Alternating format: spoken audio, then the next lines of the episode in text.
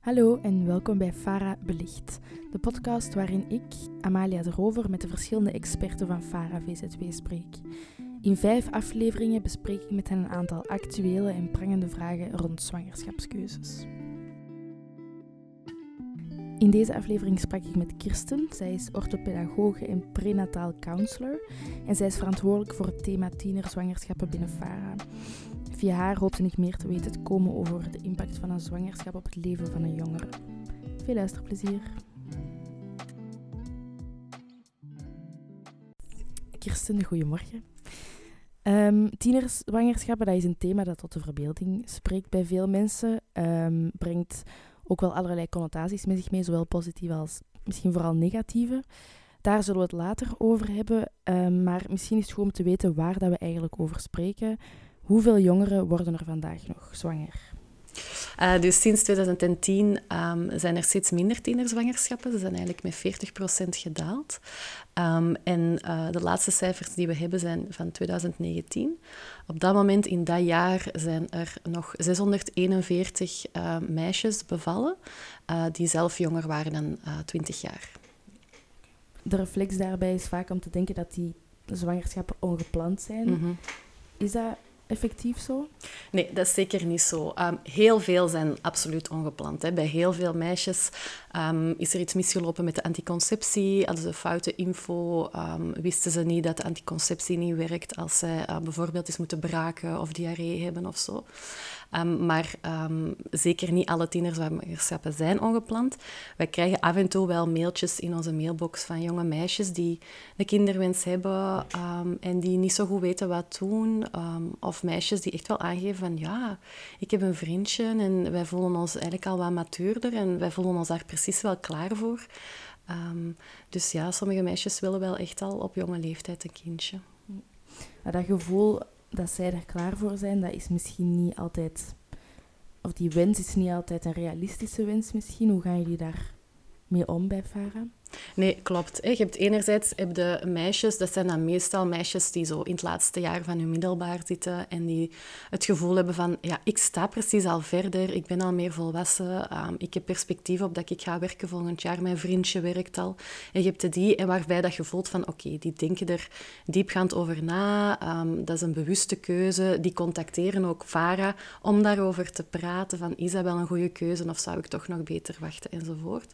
En dan heb je een groot aantal groot, hè, een, een, deel meisjes, die echt wel een compleet onrealistisch beeld hebben. Hè, die zo de uitspraak doen van, ah ja, ik wil een baby, want dat is toch zo kei schattig en ik wil iets om voor te zorgen. Um, en dan blijft mijn vriendje bij mij. Uh, dus die, die zo eerder de heel naïeve of heel, um, ja, heel, heel positief beeld hebben over moederschap en over zwangerschap. Um, en hoe gaan we daarmee om? Ja, we gaan altijd proberen om in gesprek te gaan. Hè. We gaan nooit zeggen van... Wat voor een belachelijk idee is dat? Dat gaan wij nooit doen. Um, want dan voelen tieners zich natuurlijk voelen die zich totaal niet begrepen. En uh, dat is dus zeker niet de bedoeling um, van onze begeleiding bij FARE. Um, wat wij wel gaan doen, is gaan bevragen van wat maakt, wat zit daarachter? Wat zit er achter die kinderwens? Wat maakt dat jij op deze leeftijd al um, ja, al zo graag een kindje wilt. Wat zit daaronder? Um, het, heeft, het heeft bijvoorbeeld... Zwangerschap is een heel hard gevoelsthema. Hè? Um, en veel mensen als, als tieners die kinderwens uiten, veel mensen gaan daar reageren. Maar, huh, maar waarom wilt jij een kind? Hè? En dan dwingde, dan dwingde die meisjes of die jongens of die koppeltjes eigenlijk om heel rationele redenen te geven. Wat eigenlijk moeilijk is om te geven over iets gevoelsmatig als een kinderwens. Hè. Niemand kan perfect rationeel uitleggen waarom dat je een kind wilt. Hè. Ehm, dus ook bij tieners is dat niet nuttig om daar in de strijd te gaan of, of te gaan, te gaan de, de negatieve aspecten van het ouderschap of de zwangerschap er keihard te gaan leggen. Hè, want dan krijg je alleen maar een ja-nee-verhaal. En je weet met tieners, als je, als je zegt je mag dat niet doen, ja, dan is de kans heel groot dat ze het juist wel gaan doen. Hè. Dus wat wij gaan doen, is zeggen van, kijk, um, oké, je hebt een kinderwens. dat mag er zijn. Dat mag er absoluut zijn. En wat lijkt jou daar dan zo fijn aan, hè, aan zwangerschap? Wat lijkt jou zo fijn aan moederschap? En dus we gaan eigenlijk heel, ehm, heel hard erkennend zijn naar die kinderwens toe. We gaan ook zeggen van, kijk, jij mag dat hebben, maar ehm, zou het oké zijn als we even tijd nemen, hè, dat je bijvoorbeeld nog drie maanden ehm, de pil neemt of een condoom gebruikt of, of anticonceptie gebruikt. Ehm, en dat wij in die drie maanden af en toe regelmatig gaan afspreken en een keer gaan praten over die kinderwens. En dan gaan we elke keer met hen in gesprek gaan van hoe zit het daar nu mee? Um, hoe stel je jou dat voor? en dan gaan we eigenlijk door veel vragen te stellen, gaan we proberen om hen te laten inzien van wat is er voor mij nodig om op een goede manier aan de ouderschap te beginnen. Want akkoord, ik heb die zwangerschapswens en die kinderwens, maar hoe gaat dat eruit zien op, op lange termijn?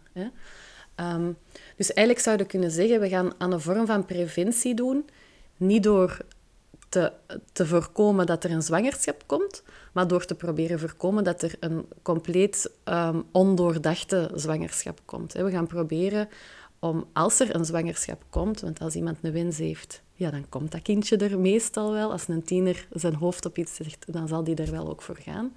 we gaan proberen om dat te doen op een manier die doordacht is, waar dat is nagedacht over hoe ga ik um, dat kindje op een goede manier op de wereld zetten, hoe ga ik daarmee omgaan als mijn relatie toch zou stuk lopen, um, hoe ga ik financieel alles voorzien, hoe kan dat kindje op de wereld komen en kunnen wij ook op een goede manier ondersteund worden, kunnen we dat kindje ja, op een positieve manier de wereld uh, laten verwelkomen in de wereld en ehm, dat er zo weinig mogelijk problemen zijn.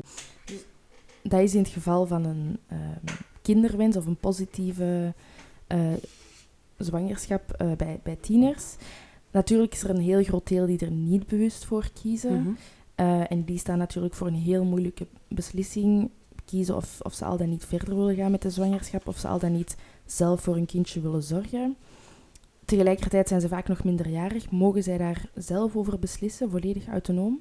Ja, dus de Belgische wetgeving die gaat ervan uit dat je als zwangere zelf mocht beslissen um, over het afbreken van je zwangerschap. Um, los van de leeftijd eigenlijk. Dus iemand van 12 jaar of 13 jaar die zwanger is, die mag naar het abortuscentrum gaan. Um, de mensen in het abortuscentrum hebben beroepsgeheim, dus ze gaan ook nooit aan de ouders, ze gaan die niet opbellen.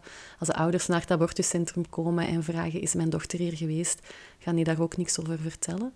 Dus een meisje heeft daar geen toestemming voor nodig.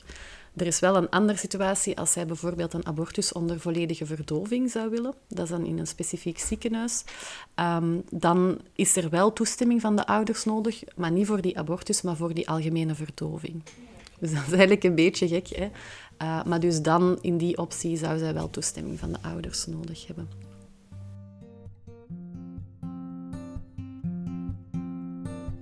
Ik begon net te werken in het onderwijs. Ik was zelf pas van de schoolbanken. Toen een van mijn leerlingen me in vertrouwen nam dat ze zwanger was en een abortus wilde. Ze durfde dat thuis niet te vertellen en vroeg mijn hulp. Ik wist helemaal niet wat ik moest doen. Kon ik wel meestappen in zo'n geheim? Moest ik de school inlichten? Wat als het mis zou gaan?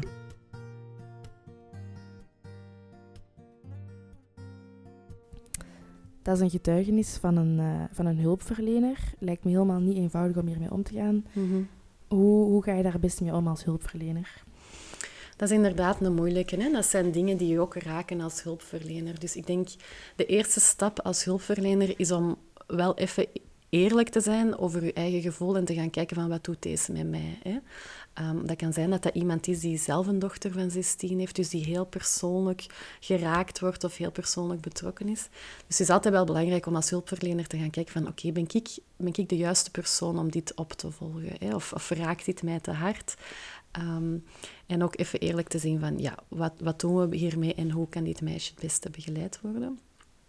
Heel belangrijk is ook om niet in een, een zorgkramp te gaan schieten. Hè? Omdat ja, dat is zo'n thema dat zo essentieel diep kan raken. Je kunt zoveel medelijden krijgen of je kunt met die ouders van het gevoel hebben van oei, en die ouders weten dat allemaal niet en is dat wel oké? Of, of met dat meisje van oh nee, wat maakt die nu mee? Dus je hebt soms hulpverleners die helemaal in paniek schieten en superveel actie gaan ondernemen om toch maar tot oplossingen te komen.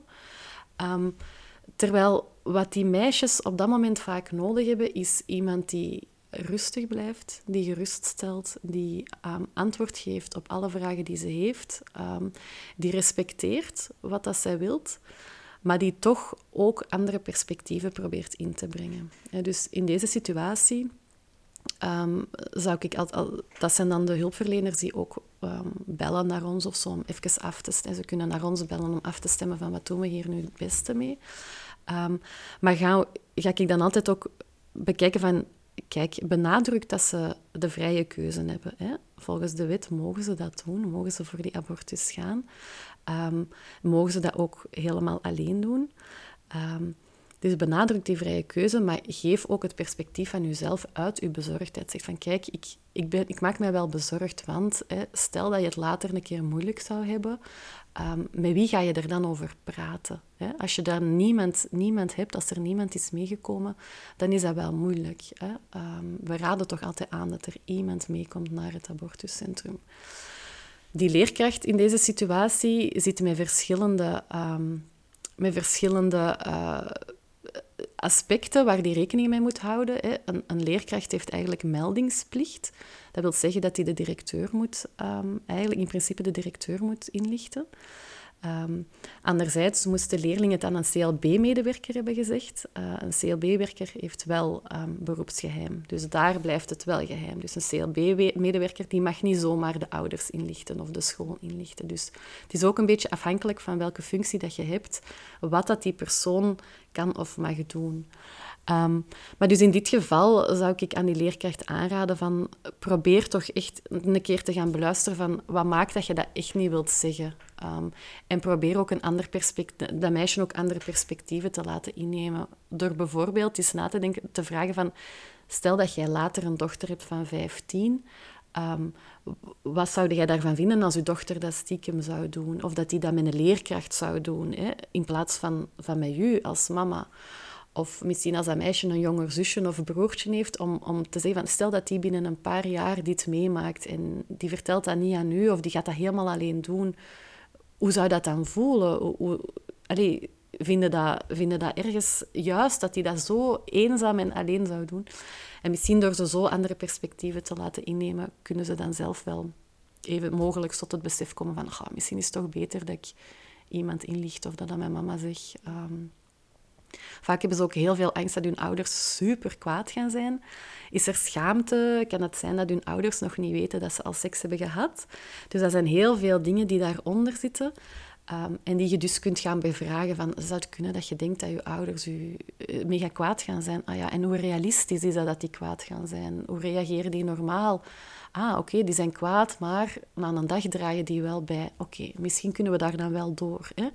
Ehm, dus op die manier kun je wel altijd gaan proberen van, ja, toch, um, toch te zorgen dat ze een vertrouwenspersoon in hun eigen omgeving hebben. Of dat dan een ouder is, of een goede vriendin, of een tante, of maar toch wel iemand. Oké, dat is duidelijk, dankjewel. Mm We hebben daarnet gehoord dat uh, meisjes autonoom mogen beslissen over hun zwangerschap, wat ze mhm. daarmee willen doen. Dat neemt niet weg dat dat een heel moeilijke en ingrijpende keuze is en blijft. Um, welke factoren kunnen er allemaal meespelen in de beslissing die ze maken? En hoe kun je als hulpverlener een meisje of een vrouw helpen om tot zo'n keuze te komen?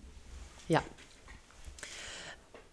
Er spelen heel vaak heel veel factoren mee. Hè. Ehm, dat gaat dan van ik ben nog jong, wat moet ik met mijn school doen? Um, wil ik wel nu al mama worden? Um, tot mijn familie wil heel graag dat ik nu al mama word. Hè. Meisjes van een andere um, afkomst. Bijvoorbeeld andere culturen zijn soms heel uh, stimulerend naar zwangerschap op jongere leeftijd.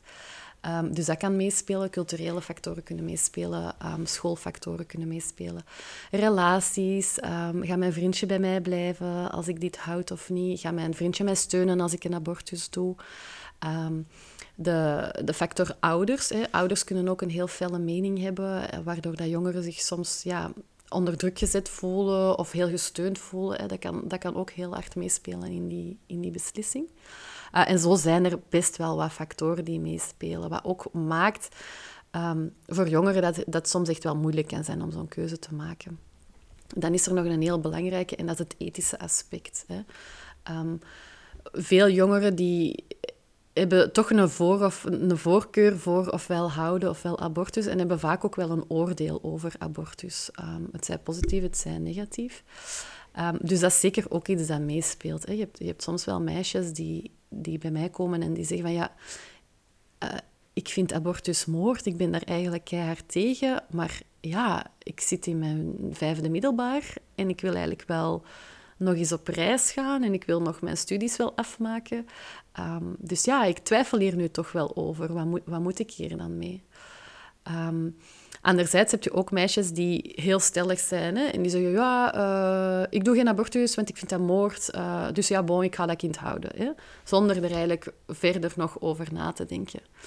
En dat is iets dat, waar dat vaak dan, dan hulpverleners wel op botsen van... Ja, maar er zijn nog zoveel andere factoren en jij blokkeert op dit ethische aspect. Voor jongeren is het ook niet altijd makkelijk om op uh, lange termijn uh, te kijken. Hè. Dus jongeren zijn heel hard ingesteld op um, er is een probleem en ik wil op korte termijn een goed gevoel hebben. Dus ik wil dat ofwel oplossen um, en, en en daar zo snel mogelijk vanaf. En soms is het voor hen heel moeilijk om te gaan inschatten van wat zijn de gevolgen op lange termijn. Dus ook dat gaan we altijd proberen om in te schatten van, kijk, je maakt nu een keuze, maar hoe gaat je daar binnen vijf jaar op terugkijken? Hoe zou dat zijn? Um, je zegt van, je gaat dat kindje nu houden, maar je zegt ook dat je zoveel houdt van een rustige ochtend en dat je niet goed uit je bed kunt en dat je veel slaap nodig hebt. Oké, dan gaan we dat heel concreet maken. Oké, dus stel, volgend jaar, je hebt een kindje, je moet naar school en je kindje moet naar de crash. Oké, weet jij een crash in je buurt? Ah, dat is toch de bus pakken. Oké, en je moet om half negen op je school zijn en je kindje moet nog papje krijgen en aangekleed. Dus dan gaan we dat heel concreet maken met heel concrete voorbeelden, maar altijd wel in vraagstelling, hè, naar in, door middel van open vragen aan dat meisje gaan, ja, gaan proberen dat zij zelf tot besef komt van oké, dat is misschien iets minder realistisch dan ik dacht. Dus ik, heb wel, ik ga wel hulp nodig hebben. En dan gaan we kijken, oké, dus s ochtends heb je hulp nodig, ça va. Maar uw vriendje is eigenlijk echt tegen het ouderschap. Oké, wie kan er u dan wel helpen? Hoe staat uw mama daar tegenover? Waar, ga, je, ga je wonen bij jouw ouders? Zie je dat zitten? Um, dus zo op die manier gaan we eigenlijk met heel praktische, open vragen proberen ja, in gesprek gaan en proberen komen tot wat is voor jou nu de keuze waar dat jij de rest van je leven mee verder kunt. Mijn mama zei de tijd dat ik abortus moest doen. Voor mijn eigen goed. Ik werd er alleen maar ongelukkig van. Nu begrijp ik wel waarom en ben ik opgelucht, maar toch dat fijner geweest als ze wat meer aandacht had gehad voor mijn gevoelens. Dat is ook een situatie die uh, niet gemakkelijk is als je als, als meisje uiteindelijk tot een beslissing bent gekomen die niet gesteund wordt door de omgeving. Um, en ouders of hulpverleners, vertrouwenspersonen, die kunnen vaak vanuit hun betrokkenheid of bezorgdheid toch het idee hebben dat ze jongeren moeten overtuigen om mhm. voor een bepaalde optie te kiezen hoe kunnen we daar best mee omgaan? Mm Nu, ik begrijp, dat, ik begrijp dat ouders en hulpverleners heel gemakkelijk heel, heel erg met dat gevoel zitten, hè, want zij hebben een heel ander perspectief. Maar wij weten dat als iemand onder dwang een keuze maakt, en dwang is misschien een te fel woord, maar als iemand achteraf het gevoel heeft van ik ben zo hard gepusht geweest, dat was eigenlijk niet mijn eigen keuze, dan weten we dat de kans op verwerkingsproblemen achteraf veel groter is. Hè. Bijvoorbeeld tien jaar later, als zij toch een nieuwe kinderwens hebben of voor een, ander, uh, voor een, voor een kindje gaan, kan dat wel bovenkomen, al die zaken. Um, dus overtuigen, dwingen, overhalen, proberen pushen, het is eigenlijk echt niet oké. Okay. Um, het meisje moet echt zelf beslissen um, en in belang van zichzelf een keuze maken. ik zou het graag nog eventjes willen hebben over de tienervaders. Mm -hmm die mogen zeker niet vergeten worden, want dat is toch wat er vaak gebeurt. Um, en ook het stereotype beeld over tienervader is, is dat ze niet mm -hmm. betrokken willen blijven, of dat ze er altijd voor kiezen om buiten beeld te blijven.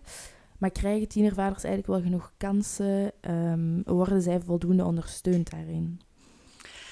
Dat is een hele moeilijke. En dat hangt heel hard af van hoe dat de ehm, context van het meisje reageert op de zwangerschap en hoe dat zij zich opstellen tegenover de jongen. Het hangt natuurlijk ook heel hard af van hoe de jongen zelf reageert. Hè.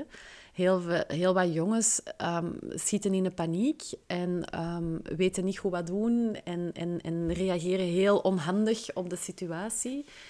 In mannen in het algemeen gaan snel zoeken naar een oplossing en hebben dan zoiets van, ja, maar doe maar abortus, dan wordt het terug zoals daarvoor en dan, dan, dan is het opgelost. Terwijl dat voor meisjes vaak niet zo gemakkelijk is. Um, natuurlijk, ze zijn ook nog jong. Um, dus er gebeuren stomme dingen en ze kennen elkaar soms ook nog niet zo heel goed. Ze zijn bijna nog niet altijd zo matuur. Dus er is vaak veel miscommunicatie. Er gebeuren vaak wel wat flaters, waardoor dat, waar dat niet altijd even adequaat op gereageerd wordt.